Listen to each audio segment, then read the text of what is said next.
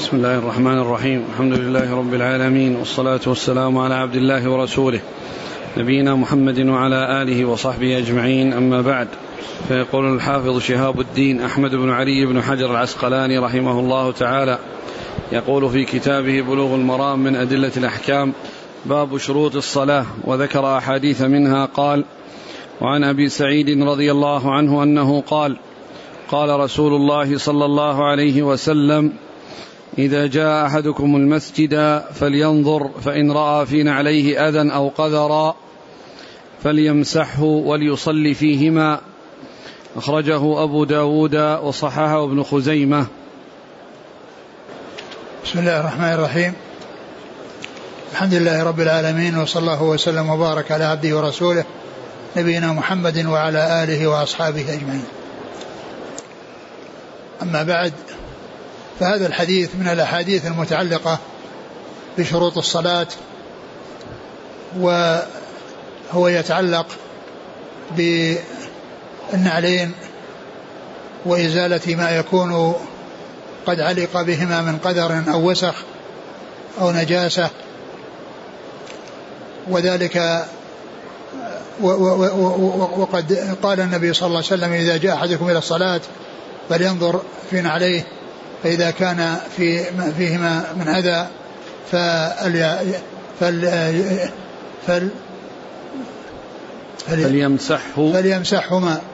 يعني يمسحهما يعني بعضهما بعض أو يمسحهما في الأرض.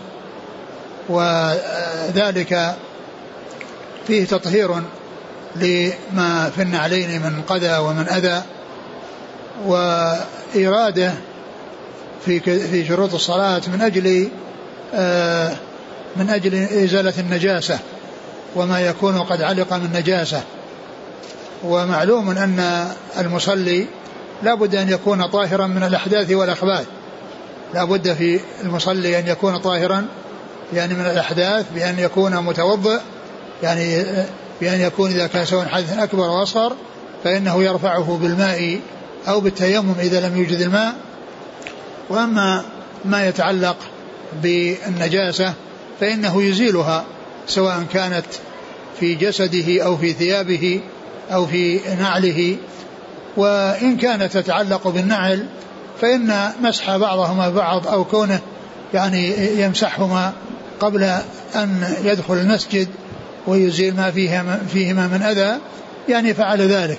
وفيما يتعلق بالثياب إذا كان يعلم أن في ثيابه شيء من النجاسات فإنه يتخلص منها قبل أن يأتي وإن لم يعلم إلا في الصلاة ولم يتذكر إلا في الصلاة وهو يعلم أن شيئا من ثيابه فيها نجاسة أو عليه فيهما نجاسة فإنه يزيل تلك آه، ذلك الذي فيه النجاسة حيث أمكن ذلك. وأما إذا كان يتعلق ب بتكشف أو ب يعني آه، إظهار العورة وما إلى ذلك فإنه يقطع الصلاة ويذهب ويستبدل الثياب أو يغسلهما. ولهذا الرسول عليه الصلاة والسلام صلى بالناس مرة وجاءه جبريل وأخبره وهو في الصلاة أن في نعليه شيء من القذى أو الأذى فخلعهما. وكان يصلي في نعليه والصحابة رضي الله عنهم يصلون في نعالهم خلفه. فلما رأوه آه، فعل خلعهما خلعوا نعالهم. فسألوا فسألهم لماذا؟ قالوا رأيناك فعلت ففعلنا. فقال إن جبريل أخبرني بأن فيهما قذى فلذلك أزلته وهذا يدل على أن النجاسة تختلف عن عن الطهارة اللي هي الوضوء. لأن الطهارة التي هي الوضوء لابد أن يكون الإنسان على طهارة من أول الصلاة إلى آخرها. وأما بالنسبة للنجاسة فإذا علم في أثنائها أن فيه نجاسة يزيل تلك النجاسة ويستمر في صلاته. وهذا من الفرق بين ما يكون من الحدث وما يكون من النجاسة لأن الإنسان في أثناء الصلاة في أثناء الصلاة إذا علم بالنجاسة فإنه يزيلها إذا أمكن ويستمر في صلاته. وأما بالنسبة للحدث فإنه يقطعها. إذا عرف أنه محدث فإنه يقطع الصلاة ويذهب ويتوضأ. الحاصل أن أن إزالة النجاسة تختلف عن الوضوء. ثم أيضا إزالة النجاسة لا تحتاج إلى نية. بخلاف الوضوء فإنه لا بد من نية رفع الحدث فلا بد من النية. وأما إزالة النجاسة ليس لا تحتاج إلى نية. فلو أن أرضا تنجست وجاء مطر من السماء وصب عليها طهرت بذلك بدون أن يكون هناك أن أن يكون هناك نية لها. إزالة النجاسة لا تحتاج إلى نية. مثل مثل الاستنجاء لا يحتاج إلى نية. مثل الاستنجاء لا يحتاج إلى نية وإنما اللي يحتاج إلى نية هو الوضوء. نعم. وعن أبي هريرة رضي الله عنه أنه قال قال رسول الله صلى الله عليه وعلى آله وسلم إذا وطئ أحدكم الأذى بخفيه فطهورهما التراب أخرجه أبو داود وصححه ابن حبان. ثم ذكر هذا الحديث عن أبي هريرة. إذا وطئ أحدكم القدى في عليه فطهورهما التراب. يعني إذا أنه مشى إذا مشى فإن التراب يزيل هذه النجاسة. لأن النعلين يمشي الإنسان ويتحرك وفيها حك في الأرض فتذهب النجاسة. بخلاف غيرها من الثياب فإنها تحتاج إلى تطهير وتغسيل. وأما بالنسبة لما كان في أسفل الخفين في أسفل النعلين فإن المشي يعني وتحريك المشي تحريك الرجلين على الأرض كما هو الشأن في الماشي فإنه ينسحب ويزول ما كان علق بها من أذى وذلك هو التطهير كما قال ذلك رسول الله صلى الله عليه وسلم.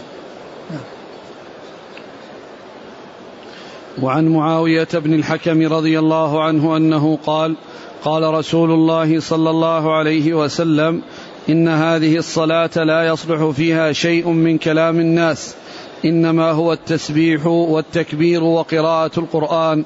رواه مسلم. ثم ذكر حديث معاوية بن الحكم السلمي رضي الله عنه.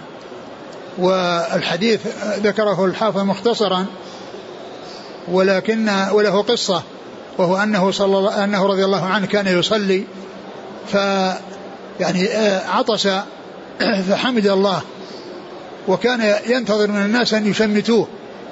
وكان لا يعلم أن أن الصلاة يعني لا يكون فيها كلام ولا يكون فيها كلام بين الناس. حتى حتى رد السلام لا يرد السلام.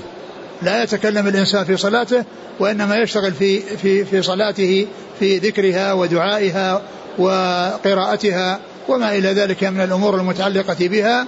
فلا يشتغل بالكلام عن الناس حتى في رد السلام. في رد السلام بالإشارة كما جاء ذلك عن رسول الله عليه الصلاة والسلام. ف يعني آه، فجعلوا يعني آه، يضربون أفخاذهم يعني يعني فهم أنهم يسكتونه. أنهم يسكتونه فسكت. وبعد ذلك آه، الرسول عليه الصلاة والسلام علمه وقال له إن الصلاة لا يصح فيها شيء من كلام الناس إنما هو التسبيح والتهليل وذكر الله عز وجل وقراءة القرآن. إنما هو قراءة القرآن. وهذا يدل على أن الإنسان لا يجوز أن يتكلم في صلاته ولا أن يحدث أحدا في صلاته. ولا أن يشمت عاطسا ولا وأما الحمد فله أن يحمد لكن بينه وبين نفسه لكن لا يرد لا يشمته أحد وأما الحمد يكون يحمد الله هذا ذكر وللإنسان أن يذكر الله عز وجل وله أن يقول الحمد لله لكن بينه وبين نفسه وليس لأحد أن يشمته لو سمع الحمد لله منه. ليس لأن ما في تخاطب في الصلاة ما في تخاطب في الصلاة.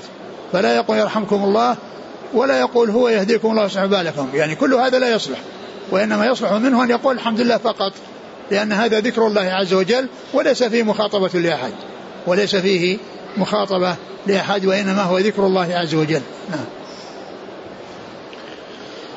وعن زيد بن أرقم رضي الله عنه قال إن كنا لنتكلم في الصلاة على عهد نبي على عهد النبي صلى الله عليه وسلم يكلم أحدنا صاحبه بحاجته.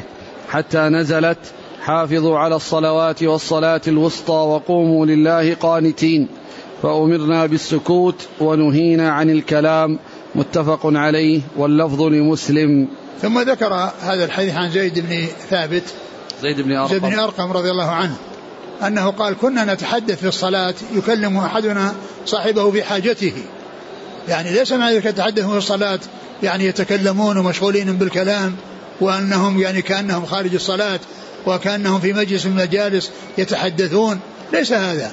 وإنما المقصود إذا كان له حاجة يعني من صاحبه فإنه يكلمه فيها.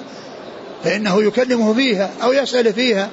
يعني كونه يعني ما يدري العدد يقول يعني آه، آه، آه، كم يجي إنسان مسبوق يقول كم مضى من الصلاة؟ يقول مضى كذا. يعني شيء لحاجته. ما هو معناه أنه كلام وحديث كما يكون حديث المجالس؟ ليس هذا هو المقصود من قوله ما يتحدث في الصلاة. ولهذا قال يحدث في حاجته.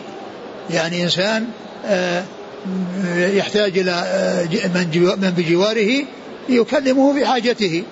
لكن ما في حديث تجاذب أطراف الحديث آه، لأن هذا يخرج يخرج الصلاة عن أن تكون صلاة وإنما تكون محادثة. هذا هو الذي الذي الذي كانوا عليه قبل هذا نزول هذه الآية أنه يحدث بعضهم صاحبه لحاجته. فنزلت هذه الآية حافظ على الصلاة والصلوات والصلاة الوسطى وقوموا الله قانتين فقال أمرنا بالسكوت ونهينا عن الكلام. أمرنا بالسكوت ونهينا عن الكلام. والقانتين وكلمة القانتين تشمل عدة معاني. منها يعني هذا المعنى الذي هو السكوت وترك الكلام. نعم. وعن أبي هريرة رضي الله عنه أنه قال قال رسول الله صلى الله عليه وسلم التسبيح للرجال والتصفيق للنساء. متفق عليه. زاد مسلم في الصلاة. ثم ذكر هذا الحديث وهو يتعلق بما إذا احتيج إلى يعني شيء في تنبيه لأحد فإن الرجل يسبح مثل لو حصل للإمام خطأ أو كذا فيقول سبحان الله. وأما النساء فلا يسبحن ولا يظهرن أصواتهن وهن في الصلاة وإنما يصفقن يحصل التصفيق كما قال عليه الصلاة والسلام التسبيح للرجال والتصفيق للنساء. وهذا من المسائل التي جاءت الشريعة في التفريق فيها بين الرجال والنساء. كما عرفنا فيما مضى الأصل هو التساوي بين الرجال والنساء في الأحكام إلا إذا جاءت نصوص تبين أن هذا للرجال وهذا للنساء فإنه يصار إليها كما في هذا الحديث. التسبيح للرجال والتصفيق للنساء يعني أنهن عندما يحصل يعني يعني تنبيه الإمام على شيء ما ينبهنا ما يقول سبحان الله. والرجال هم اللي يقولون سبحان الله وأما النساء فإنهن يصفقن يحصل منهن التصفيق ب يعني تصفيقا خفيفا من إحدى اليدين إحدى اليدين اليدين على الأخرى حتى يطلع صوت يعني يدل على أن فيه خطأ وأن فيه وكذلك لو لو آه، يعني آه، آه، جاء أحد يكلم إنسان وما درى يحسبه يصلي فيقول سبحان الله حتى يعرف أنه يصلي وكذلك المرأة عندما تكلم وهي تصلي ما تقول سبحان الله وإنما يحصل لها التصفيق حتى يعرف أو حتى يعرف أنها في صلاة حتى يعرف أنها في صلاة. إذا لما ذكر الحديث السابق أو الحديثين السابقين اللي فيهن النهي عن الكلام أشار إلى كلام سائغ ومأمور به ومشروع فيما يتعلق بالرجال وهو التسبيح عندما يكون هناك حاجة إلى ذلك. وأما النساء فليس لهن الكلام في الصلاة في آه، في تسبيح أو غيره للتنبيه على شيء وإنما الذي لهن التصفيق نعم. وعن مطرف بن عبد الله بن الشخير عن أبيه رضي الله عنه أنه قال رأيت رسول الله صلى الله عليه وسلم يصلي وفي صدره أزيز كأزيز المرجل من البكاء أخرجه الخمسة إلا ابن ماجه وصححه ابن حبان. ثم ذكر هذا الحديث عن عبد الله بن الشخير رضي الله عنه أنه قال أنه رأى النبي صلى الله عليه وسلم يصلي وفي صدره أزيز كأزيز المرجل يعني من البكاء وهو في الصلاة. وهذا يدل على أن مثل هذا لا يؤثر في الصلاة. يعني كونه يطلع له صوت أو يطلع نشيج يعني في في في, في أنفه. أو يعني أزيز من صدره أن ذلك لا يؤثر على الصلاة. هذا هو المقصود من إيراد الحديث. له أزيز كأزيز المرجل والمرجل هو القدر الذي يغلي بالماء أو بالشيء الذي يطبخ فيه فإنه يطلع له صوت يظهر له صوت فقال إنه يسمع له أزيز كأزيز المرجل من البكاء لأن صدره يعني يسمع له صوت يعني بالبكاء كما يحصل للقدر الذي يغلى فيه الماء أو يطبخ فيه طعام فإنه يصير له صوت. يصير له صوت يقال له العزيز. والمرجل هو القدر. والمرجل هو القدر الذي يطبخ فيه. المقصود من هذا أن مثل هذا لا يؤثر في الصلاة وأن مثل ذلك لا تأثير له في الصلاة سواء كان نشيج من أنفه أو يعني شيء يعني بكاء في صدره فإن ذلك لا تأثير له في الصلاة نعم. وعن علي رضي الله عنه أنه قال كان لي من رسول الله صلى الله عليه وسلم مدخلان فكنت إذا أتيته وهو يصلي تنحنح لي رواه النسائي وابن ماجه ثم ذكر هذا الحديث عن علي رضي الله عنه أنه كان له مدخلان من رسول الله. يعني يأتي في وقتين في في وقتين إلى الرسول عليه السلام يعني معروفين. يعني آه، فكان إذا إذا جاء إذا جاء وكان يصلي تنحنح. يعني حصل له يعني آه، تنحنح يعني ما في كلام. يعني صوتهم بلا بلا كلام. فدل ذلك على أن مثل ذلك سائر سواء يعني حصل تنحنح أو حصل تسبيح. نعم.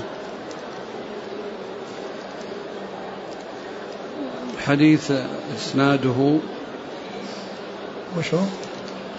صحة الحديث. الشيخ الألباني ضعفه. وش فيه الإسناد؟ قال الحديث ضعيف لا تقوم به حجة وله ثلاث علل. ضعف راويه واضطراب سنده ومتنه. ففي رواية سبح بدل تنحنح. ولذلك ضعفه البيهقي وغيره. وقال النووي في المجموع وضعفه ظاهر بين. هو التنبيه يعني بالتسبيح يعني كما كما هو معروف التسبيح يعني يؤتى به عند الحاجة كما سبق أن مر في الحديث يعني كون يقول سبحان الله والمرأة تصفى. وهنا فيه ذكر التنحنح. والتنحنح ليس فيه كلام أقول ليس فيه كلام لكن التسبيح هو الذي سبق أن مر أنه إذا انتابه شيء فإنه يسبح. نعم. مداره على عبد الله بن نجي قال الحافظ في التلخيص واختلف عليه فقيل عنه عن علي وقيل عن أبيه عن علي. وقال يحيى بن معين لم يسمعه عبد الله من علي. بينه وبينه وبين علي أبوه. وعن ابن عمر رضي الله عنهما أنه قال قلت لبلال كيف رأيت النبي صلى الله عليه وسلم يرد عليهم حين يسلمون عليه وهو يصلي؟ قال يقول هكذا وبسط كفه. أخرجه أبو داود والترمذي وصححه. ثم ذكر هذا الحديث في رد السلام على المصلي. رد السلام من المصلي. والمصلي يسلم عليه. وإذا سلم عليه لا يرد بالكلام وإنما يرد بالإشارة. كما ثبت ذلك عن رسول الله عليه الصلاة والسلام كما جاء في هذا الحديث وغيره أنه آه، أن بلالا سئل كيف كان الرسول يرد عليهم إذا سلموا عليه فقال هكذا وبسط كفه يعني أنه كان واضعا كفيه فإذا سلم عليه يعني أشار بيده اليمنى يعني وحركها يعني بالسلام يعني إشارة إلى رد السلام وأنه لا يكون بالكلام وإنما يكون بهذه الإشارة. نعم. كيف الإشارة؟ يعني كان بسطها حركها كذا يقول جعل وبسط كفه وبسط كفه. أيوة. هذا هو هذا هذا بسط الكف. وعن أبي قتادة رضي الله عنه أنه قال كان رسول الله صلى الله عليه وسلم يصلي وهو حامل أمامة بنت زينب فإذا سجد وضعها وإذا قام حملها متفق عليه. ولمسلم وهو يؤم الناس في المسجد. ثم ذكر هذا الحديث عن أبي قتادة ويتعلق بالأفعال في الصلاة لأن الحديث التي مضت تتعلق بالأقوال وبالكلام في الصلاة. الكلام الذي لا يجوز والكلام الذي هو سائغ يعني الذي هو التسبيح والتصفيق بالنسبة للنساء. هنا انتقل إلى ما يتعلق بالفعل أو الأفعال.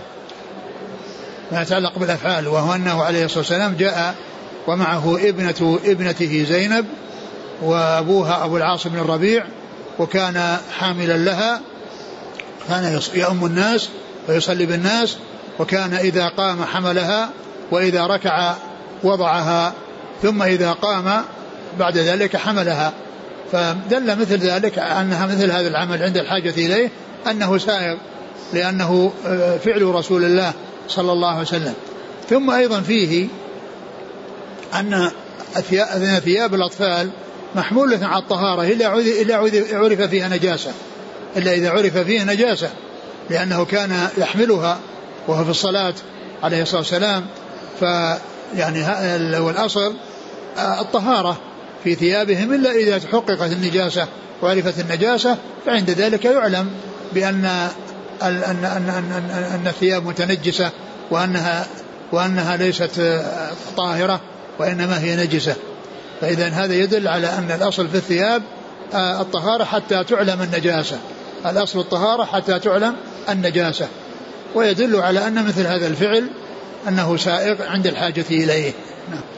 وعن أبي هريرة رضي الله عنه أنه قال قال رسول الله صلى الله عليه وعلى آله وسلم اقتلوا الأسودين في الصلاة الحية والعقرب. أخرجه الأربعة وصححه ابن حبان.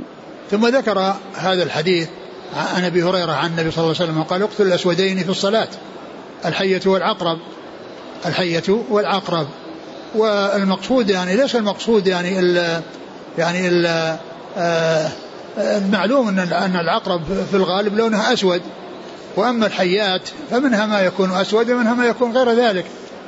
فإما أن يكون أن أن هذا إشارة إلى إلى إلى بعض أوصاف الحيات أو أن تغليبا العقرب على غيرها في السواد يعني يقال أسودين مثل ما يقال يعني مثل مثل ما يقال يثنى الشيء باعتبار غيره مثل ما يقال العمران والقمران العمران والقمران والأسودان التمر والماء. يعني لأن التمر أسود فغلب جانب السواد على الماء.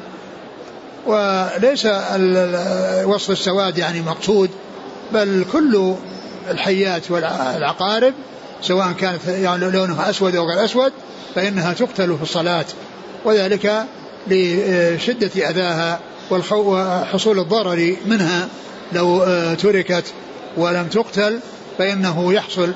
ولكن إذا قتلت يعني في والإنسان في في صلاته متجه القبله ولم يحصل من انحراف فإن هذا لا إشكال فيه. أما إذا كان الأمر يتطلب يعني آه، الانصراف عن جهة القبلة ومتابعتها وقتلها فإن هذا لا بد من, من, من أن يعني آه، أن يعيد الصلاة. قال رحمه الله تعالى باب سترة المصلي. عن أبي جهيم بن الحارث رضي الله عنه أنه قال قال رسول الله صلى الله عليه وعلى آله وسلم لو يعلم المار بين يدي المصلي ماذا عليه من الإثم لكان أن يقف أربعين خيرا له من أن يمر بين يديه. متفق عليه. واللفظ للبخاري ووقع في البزار من وجه آخر أربعين خريفا. ثم ذكر هذا الحديث ثم قال باب سترة المصلي. والمقصود بالسترة يعني التي تكون أمامه وهو يصلي. لأن سترة المصلي سترتان. سترة لا بد منها وهي ستر العورة. وأن الإنسان يعني يصلي مستور العورة. وهذا شرط من شروط الصلاة لا بد منه. لا بد منه. وقد سبق أن مرت الأحاديث في ذلك. وقد سبق أن مرت الأحاديث في ذلك وأن الإنسان يصلي في ثوب إذا كان واسعا يلتحف به وإذا كان يعني آه، ضيقا يعتزر به. هذا يتعلق بستر العورة. وهذا رك وهذا واجب من واجب الصلاة. أما هذا فهو في خلاف. وجمهور العلماء على أنه مستحب وأنه من الأمور المستحبة. وهي كون الإنسان يكون أمامه سترة. يعني سواء كانت عمود أو جدار أو عنزة عصا يركزها أو يعني شيء شاخص يعني أمامه بحيث يعني يعرف من يمر عليه أن هذا يصلي وأن هذه سترة له لا يمر بينه وبينها. هذا المقصود بسترة المصلي. وقد أورد حديث أبي جهيم رضي الله عنه أن النبي صلى الله عليه وسلم قال لو يعلم المار بين يدي المصلي ماذا عليه لكان أن يقف أربعين خيرا له. من أن يمر بين يدي المصلي. هذا يدل على الوعيد الشديد في المرور بين بين يدي المصلي. سواء كان عنده سترة أو ليس عنده سترة. يعني إن كان عنده سترة أمامه لا يدخل يمر بينه وبينها. وإن كان ليس له سترة فإنه لا يمر بجواره وإنما يترك مقدار ثلاثة أذرع يعني متر ونصف ويمشي وراءها. لأن المصلي إذا كان يصلي قدام فضاء ليس كل الفضاء الذي أمامه. يمنع من المشي فيه وإنما يمنع من المكان الذي يكون متصلا به أو قريبا منه يعني في مكان سجوده. وإذا كان بينه وبين ثلاثة أذرع فيمر من ورائه وليس عليه. وهو ليس له أن أن يتحرك من مكانه ليرده فإن السير من وراء آه، ثلاثة أذرع يعني أنه سائغ ولا بأس به. لأن النبي صلى الله عليه وسلم لما صلى في الكعبة صلى بين العمودين وبينه وبين الجدار ثلاثة أذرع بينه وبين الجدار ثلاثة أذرع فدل هذا على أن الإنسان إذا كان له سترة لا يمر بينه وبينها. وإن لم يكن له سترة فإنه يترك مقدار ثلاثة أذرع من مكان قدميه ثم يمر من وراء ذلك ولا بأس وليس عليه. لكن المرور بينه وبين سترته أو في مكان متصل به يعني آه، مثل ما بينه وبين السترة في بينه مكان سجوده مثل هذا يعني خطير وهذا الحديث يدل على الوعيد الشديد. لو يعلم المار بين يدي المصلي ماذا عليه؟ يعني كلمة من الإثم هذه لم تثبت؟ لم تثبت هذه الكلمة اللي من الإثم. ماذا عليه؟ لكن معلوم أنه من الإثم. معلوم أنه ما الذي عليه من الإثم. لكن كلمة الإثم لم تأتي في الحديث وإنما ذكرها خطأ يعني في بعض الأحاديث. ماذا عليه؟ لكان أن يقف يعني في مكانه قبل ينتظره يسلم يعني مع أن الوقوف يعني آه، صعب الإنسان وقد وقد أبهم المميز في في في الحديث المتفق عليه. لو يعلم ماذا عليه؟ لكان أن يقف أربعين يعني أربعين أربعين سنة أو أربعين شهرا أو أربعين يوما. ومعلوم أن الوقوف يعني صعب جدا ولو كان ولو كان دقائق ولو كان عشر دقائق أو عشرين دقيقة يعني يكون واقف. يعني هذا أسهل له من أن يمر بين المصلي.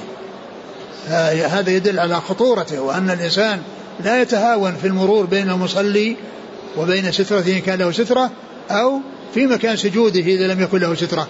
أو فيما يتعلق بمكان سجوده إذا لم يكن له سترة يعني أن الإثم في ذلك عظيم والأمر في ذلك خطير وعلى الإنسان أن يحذر ذلك لأن هذا الوقوف حتى ولو كان دقائق لو كان لو كان أربعين دقيقة يعني صعب جدا أن الإنسان يقف. والمقصود بالوقوف يعني أنه ينتظره يسلم. يعني يسلم حتى يمر بين يديه. يعني هذا الوقوف يعني صعب وأقل ذلك أن يكون أربعين يعني دقيقة مثلا فإن هذا أيضا ليس بسهل وليس بالهين الإنسان يقف على رجليه كل هذه المدة ينتظر. نعم.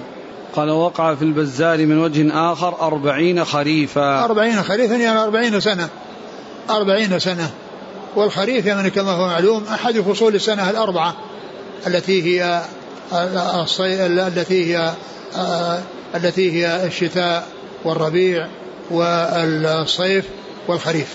وعن عائشة رضي الله عنها أنها قالت سئل رسول الله صلى الله عليه وسلم في غزوة تبوك عن سترة المصلي فقال مثل مؤخرة الرحل. أخرجه مسلم. ثم ذكر هذا الحديث عن النبي عليه الصلاة والسلام أنه سئل عن, عن سترة المصلي يعني مقدارها فقال مثل مؤخرة الرحل لأن الرحل الذي يركب عليه الرحل الذي يكون على البعير يعني مؤخرة اللي يستند عليها الراكب يعني ليست مرتفعة أقل من الذراع. يعني لا تبلغ ذراعا أو قريب أو قريبة من الذراع. يعني معناه شيء شاخص بحيث الإنسان إذا مر يرى يعني ينتبه أنه يصلي. والرسول عليه الصلاة والسلام كان تؤخذ معه العنزة والعنزة عصا فيها حديدة يعني محددة إذا غرب في الأرض ثبتت فيصلي إليها وتكون سترة له. وكان عندما يذهب للخلاء يعني يكون معه يحمل معه الوضوء الماء والعنزة. العنزة يعني ليصلي إليها إذا توضأ أو ل أو عندما يعني يصلي بالناس والناس يصلون في الفضاء يتخذ سترة أو يعني آه، تستعمل لأمور أخرى غير السترة. العصا أو العنزة تستعمل لأمور أخرى غير السترة. لكنها الرسول كان يصلي إليها التي هي العنزة. ف, ف يعني معناه أنه شيء بارز شيء آه، مرتفع يعني عن الأرض. نعم. وعن سبرة بن معبد الجهني رضي الله عنه أنه قال قال رسول الله صلى الله عليه وسلم ليستتر أحدكم في الصلاة ولو بسهم أخرجه الحاكم. ثم ذكر هذا الحديث عن سبرة بن معبد الجهني رضي الله عنه أن النبي صلى الله عليه وسلم قال ليستتر أحدكم الصلاة ولو بسهم والمراد بالسهم هو الذي آه، النبل الذي يعني يرسل وقد مر في الحديث أنهم يصلون المغرب وينصرفون وإن الواحد يرى موضع نبله أي موضع سهمه السهم الذي يرسله فإنهم يعني يرونه. والسهم هو يعني آآ آه، آآ آه، قد يكون يعني مثل آه، مؤخرة الرحل وقد يكون أقل. لكن قوله ولو بسهم يعني يدل على التقليل وأنه يعني أنه من من من الأشياء القصيرة. التي يعني تتخذ في الصلاة تتخذ سترة. قال ولو بسهم. نعم. وعن أبي ذر رضي الله عنه أنه قال قال رسول الله صلى الله عليه وسلم يقطع صلاة المرء المسلم إذا لم يكن بين يديه مثل مؤخره مؤخرة الرحل المرأة والحمار والكلب الأسود. الحديث وفيه الكلب الأسود شيطان. أخرجه مسلم. وله عن أبي هريرة نحوه دون الكلب ولأبي داود والنسائي عن ابن عباس نحوه دون آخره وقيد المرأة بالحائض. ثم ذكر هذا الحديث الذي فيه قطع الصلاة بمرور الثلاثة وهي المرأة والحمار والكلب. وهذه الثلاثة جاء في هذا الحديث أنها تقطع الصلاة. واختلف العلماء في المراد بقطع الصلاة. فمنهم من قال إن وهم جمهور العلماء أنه إنقاصها وأن في ذلك نقص فيها. والقول الثاني بأنه بأنها تقطع يحصل القطع وأنها تستأنف الصلاة وأنه يستأنف وهذا هو الأصل أن المقصود به القطع الذي هو يعني آه أنها لم تستمر ولا تبقى من الانسان مستمرا فيها وإنما يستأنفها ولحصول آه، المرور. لحصول المرور من, من, من, من هذه الثلاثة التي جاءت في هذا الحديث. فإذا آه، السترة المقصود بها تلافي من يمر ومن مر من غير هؤلاء الثلاثة فإنها فإن الصلاة تبقى ويعني ولا تقطع وهذه الثلاثة آه، آه، اختلف في القطع أو عدمه فمنهم من قال إنها لا, لا يحصل بها قطع وإنما يحصل فيها نقص الأجر ومنهم من قال إن الحديث على ظاهره وأنه المقصود به أن, أن أنه يقطع الصلاة وأنها تستأنف نعم أيهما أقرب؟ ها؟ أي القولين أقرب؟ والله الذي يظهر أنها الإنسان يستأنف الصلاة المرأة والحمار والكلب الأسود. والكلب الأسود يعني جاء في بعض الأحاديث تقييده بالأسود. قال إن الكلب الأسود شيطان. يعني أن أن أن الكلاب يعني وهذا النوع من الكلاب يعني عرف يعني فيها يعني شدتها ويعني آه، حصول الإضرار منها على حسب التجربة. نعم. وقيد المرأة بالحائض. الحائض يعني معناه أن الصغير لا يؤثر أو البنت الصغيرة أنها لا تؤثر. يعني الحائض هي التي بلغت سن المحيض التي بلغت سن المحيض. مثل ما مر بنا الحديث لا يقبل الله صلاة حائض إلا بخمار. يعني التي بلغت سن المحيض. وليس المقصود الحائض التي عليها الحيض وإن المقصود التي بلغت سن المحيض. نعم. وعن أبي سعيد الخدري رضي الله عنه أنه قال قال رسول الله صلى الله عليه وسلم إذا صلى أحدكم إلى شيء يستره من الناس فأراد أحد أن يجتاز بين يديه فليدفعه فإن أبى فليقاتله فإنما هو شيطان. متفق عليه. وفي رواية فإن معه القرين. ثم ذكر هذا الحديث أن الإنسان إذا صلى إلى سترة فإن أحد أراد أن يجتاز بينه وبين سترته فإنه يدفعه يعني آه، دفعا خفيفا أو يعني يضع يده حتى ينبهه لأنه قد يكون ذاهل قد يكون ذاهلا. يعني فإذا عرف أن مد يده إليه وعرف أنه يصلي وتنبه من ذهوله فإنه يمتنع ويبحث عن طريق آخر يعني بحيث لا يمر بين بين يدي المصلي. فإن أبى يعني معناه أنه ليس بذاهل وإنما هو عازم ومصمم على أنه يؤذي هذا المصلي بالمرور بينه وبين فليقاتل يعني يدفعه بقوة. يعني معناه يدفعه بقوة. ومعلوم أنه لا بد من فعل الدرء يعني الأمر تدارك الأمر بالأخف فالأخف وإن وصل إلى حد أنه يعني يدفعه بقوة. لكن لا يعني أنه آه، يعمل إلى أن يقتله وأن يبحث عن شيء من مقاتله فيضربه عليها حتى يحصل قتله. ليس هذا هو المقصود. وإنما المقصود أنه يدفعه بقوة. يعني إذا لم ينفع اللين ولم ينفع فعل الأمر الهين والأمر السهل فإنه ينتقل معه إلى ما هو أقوى من ذلك. نعم. ثم قال فإنما هو شيطان. يعني من شياطين الجن. والجن فيهم شياطين كما أن الإنس فيهم شياطين الإنس فيهم شياطين كما أن الجن فيهم شياطين. وفي بعض الروايات فإن معه القرين أي القرين من الجن. يعني معناه أن هذا يعني حصل بالتعاون بين آه، شيطان الإنس وشيطان الجن. شيطان الجن الذي هو قرينه كما ثبت في صحيح مسلم عن النبي عليه الصلاة والسلام قال ما منكم من أحد إلا وله قرينان قرين من الجن وقرين من الملائكة. قرين من الجن وقرين من الملائكة. فهذا القرين من الجن هذا هو الذي يعني يكون سببا في الشر وسببا في آه، حصول آه، الضرر من آه، من الانسي نعم.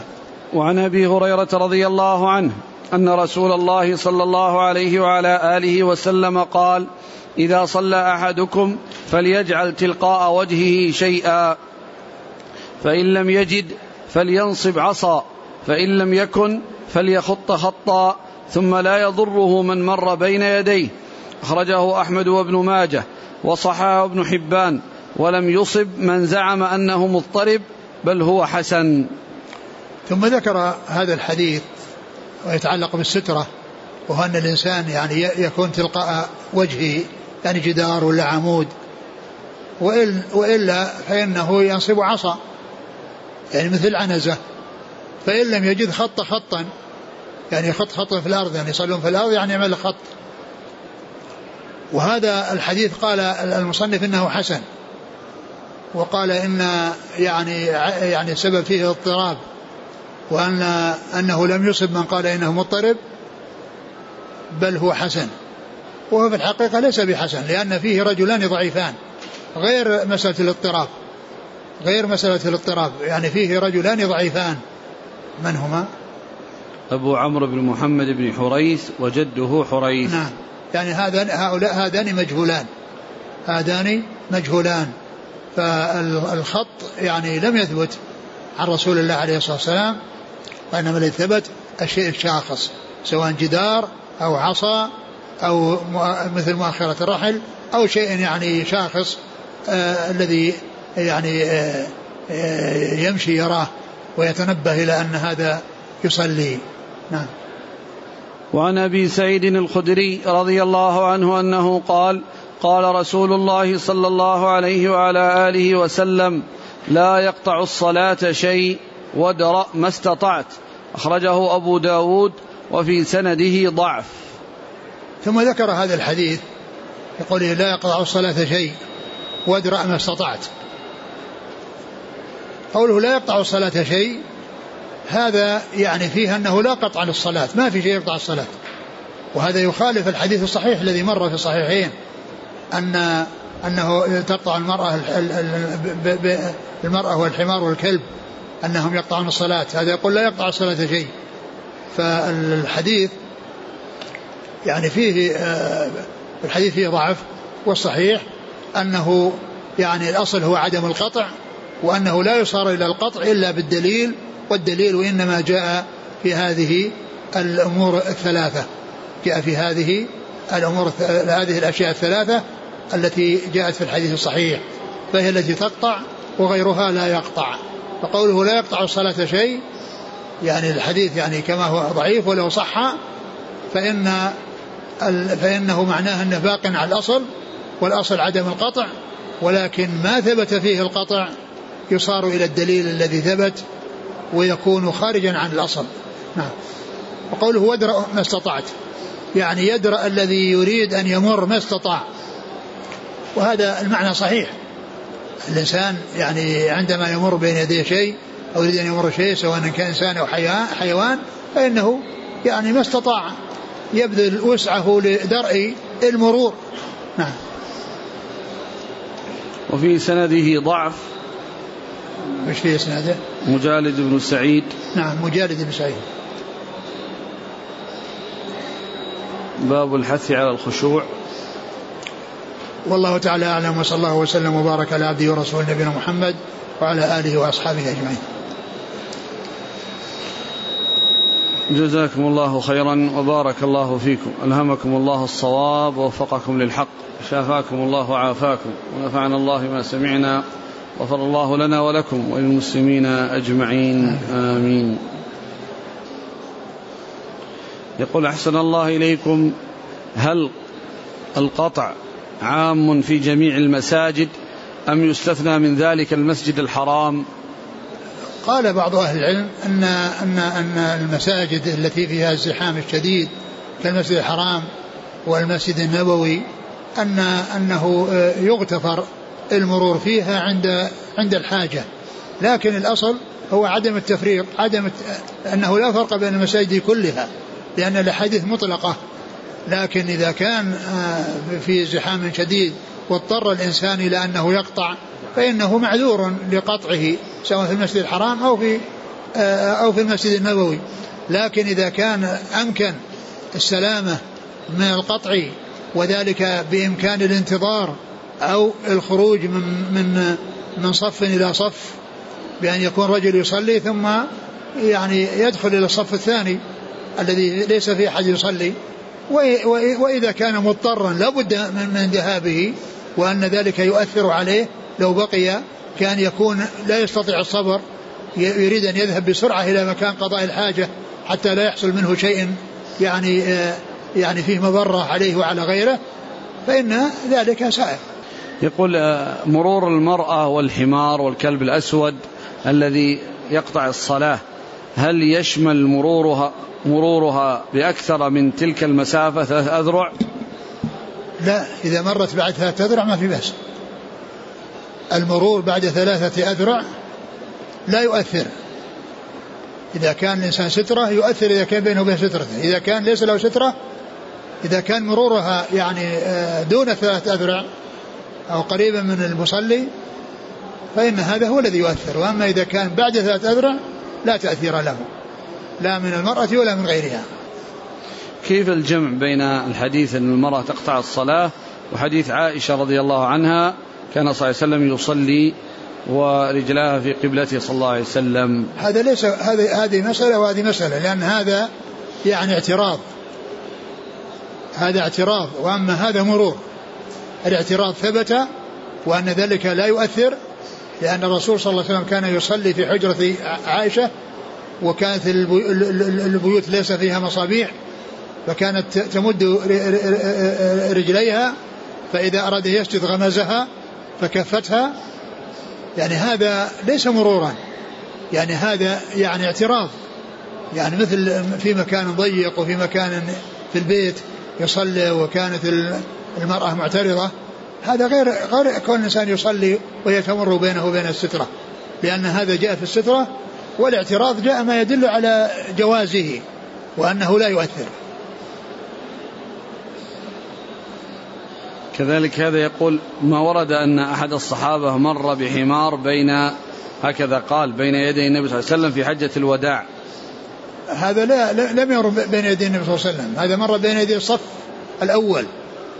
وهو ابن عباس رضي الله عنه كما في الصحيحين راكبا على أتان وهو أنثى الحمار.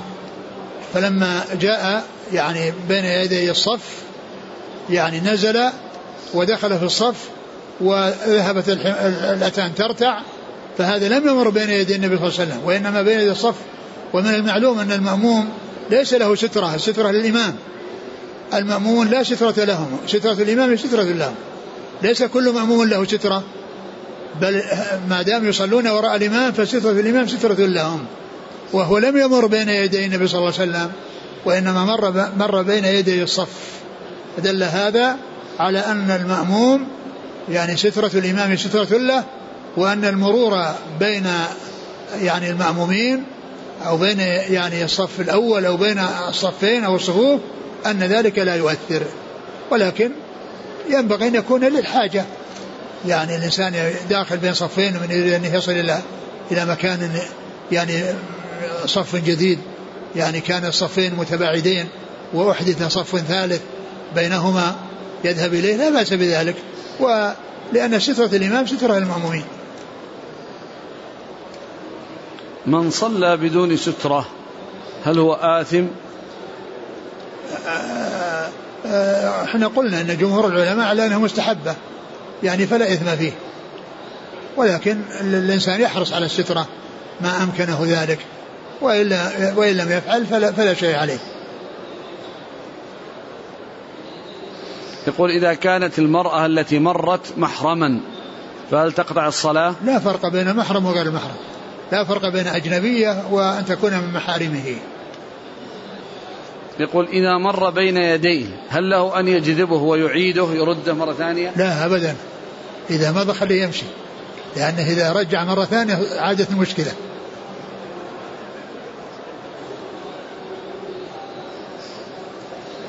يقول إذا المرأة مرت من أمامي وأنا في صلاة فريضة وأنا في المسجد فماذا أفعل؟ إذا كنت وحدك فأنت تعيد الصلاة. وإن كنت مأموما فلا يؤثر. يقول هل حك النجاسة إذا كانت في أسفل الخف شرط؟ إذا كانت إنها موجودة النجاسة فإنه يعني يزيلها بالحك إذا كان يرى لها جرم. وإن كان ما في جرم فإن الدلك يعني يكفي فيها. لكن إذا كان لها جرم يزيله.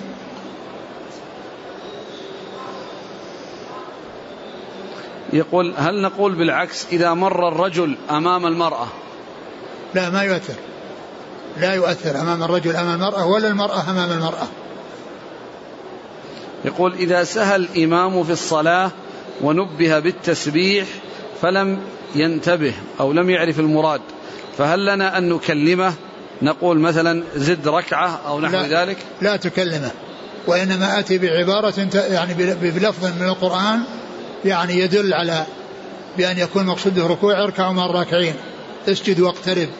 يعني يؤتى بشيء يعني آه يعني يجعله يفهم. أما كنت تقول لي زد ركعة أو ناقص ركعة لا تفعل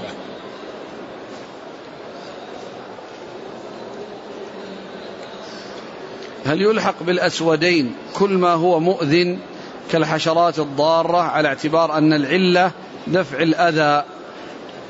الحشرات التي يعني ليست من ذوات السموم ولكنها يعني آه، فيها ضرر. لا يقال إنها يعني نعم إذا كانت قريبة من الإنسان وضربها لا بأس بذلك لكن كونه يقطع الصلاة ويروح يلحقها يعني هذه هي التي هي ذوات السموم التي إذا يعني آه، حصل منها لسع ال آه، أو النهش يعني للإنسان يعني يدخل السم في جسمه ويتضرر هذه هي التي جاء النص عليها. أما الحشرات والأشياء الأخرى يعني أمرها سهل يتركها ولا يشغل نفسه بها. وهل الأمر هنا للوجوب؟ اقتلوا. آه معلوم أن, أن, أن, أن مثل هذا يعني فيه دفع الضرر لكن يبدو أنه ليس للوجوب. أقول ليس واجبا.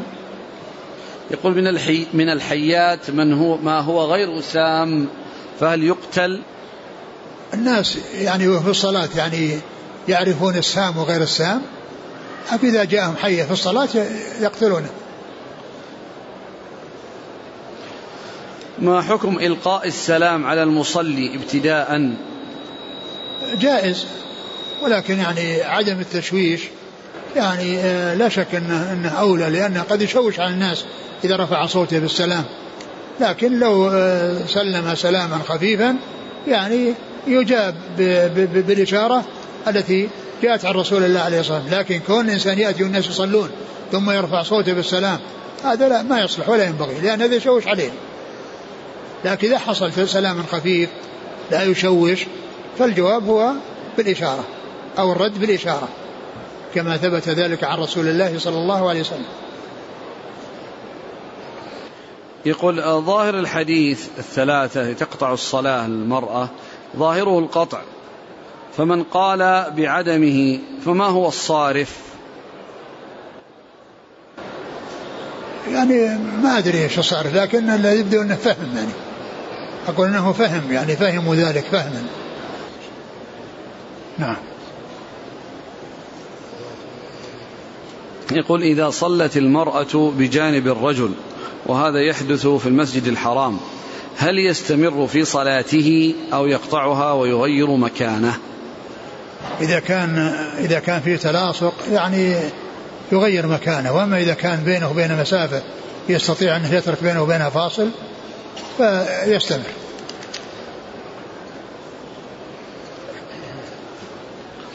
يقول ما الراجح في إذا تنحنح فبان من المصلي بعض الأحرف. أو حصل منه نحيب في الصلاة. هل هذه الأحرف نحيب مثل النحيب مثل الحديث العزيز اللي مر في العزيز.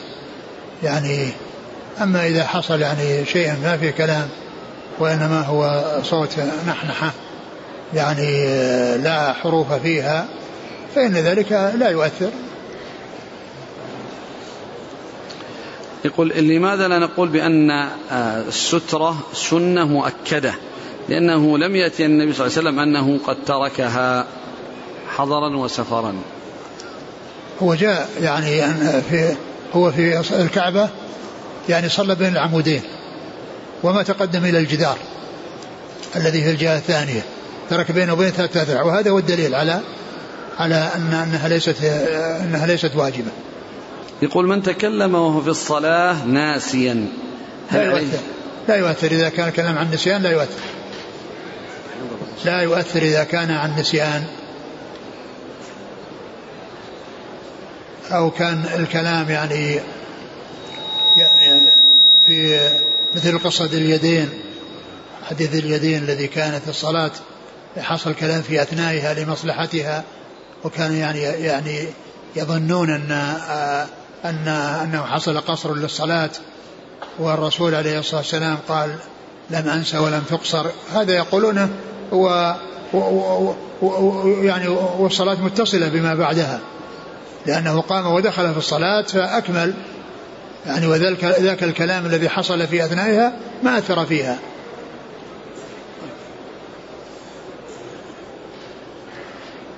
يقول أليس منع المرأة من الصوت في الصلاة؟ وأمرها بالتصفيق دليل على أن صوت المرأة عورة. لا شك أن أصوات النساء تختلف. يعني المرأة يعني تستفتي أن تستفتي وتتكلم وتكلم لكن الشيء الذي آه، منه بد ولا سيما إذا كانت المرأة يعني لها صوت رخيم صوت يعني في فتنة معلوم أن أن الأصوات تختلف. وقد جاء في القرآن فلا تخضعن بالقول. الخضوع الذي من النساء بالأقوال هذا يكون فيه فيه فتنة. هل يمكن عد التصفيق بأنه خاص بالنساء وهو من خوارم المروءة بالنسبة للرجال خاصة في بعض المحافل؟ التصفيق للنساء وليس للرجال. الرجال في المحافل لا يصفقون وإنما إذا أعجبهم شيء يكبرون كما كان الصحابة رضي الله عنهم يفعلون. فإن الصحابة رضي الله عنهم وأرضاهم إذا سمعوا شيئا يعجبهم من رسول الله صلى الله عليه وسلم قالوا الله أكبر. هذا هو السنة وهذا هو المشروع. لأن الرسول عليه الصلاة والسلام لما قال للصحابة أن أن تكون ثلث أهل الجنة تكون نصف أهل الجنة كل ما قالها قالوا الله أكبر. لأن شيء يسرهم وكبروا ما راح يصدقون وكذلك عمر رضي الله عنه لما بلغه أن الرسول صلى الله عليه وسلم طلق نساءه شائعة حصلت وكان في آه، مزرعته في العوالي فكان له يتناوب هو جارة من الأنصار واحد ينزل يوم ويحضر مجالس الرسول صلى الله عليه وسلم ثم إذا رجع أخبره بما سمع من رسول الله صلى الله عليه وسلم. وفي اليوم الثاني يذهب فكانت النوبة للأنصاري. فجاء وقال يعني وأخبر عمر أن حصل يعني أمر هذا. سمع إشاعة أن طلق نساءه. فنزل راح. فجاء إلى عائشة وهذا بابنته حفصة وكلمها. ثم يعني ذهب إلى الرسول صلى الله عليه وسلم وكان معتزلا نساءه في مشربة كما في الصحيحين. فقال له أطلقت نساءك يا رسول الله؟ قال لا. قال الله أكبر. ما راح يصفق. لكن هذا كله من تقليد كله من تقليد الغرب. يقول في بعض الدول يكون الأذان موحد في جميع المناطق عن طريق جهاز استقبال فما حكم ذلك؟ والله ما ينبغي هذا. الذي ينبغي أن كل مكان أو كل مسجد فيه مؤذن يعني يؤذن فيه ويعني يقيم ويقوم بما يلزم. أما أن يعني يكون هناك يعني تسجيل أو يكون هناك يعني شيء الذي يبدو أن السلامة منه أسلم. جزاكم الله خيرا. سبحانك الله وبحمدك نشهد أن لا إله إلا أنت. نستغفرك ونتوب إليك.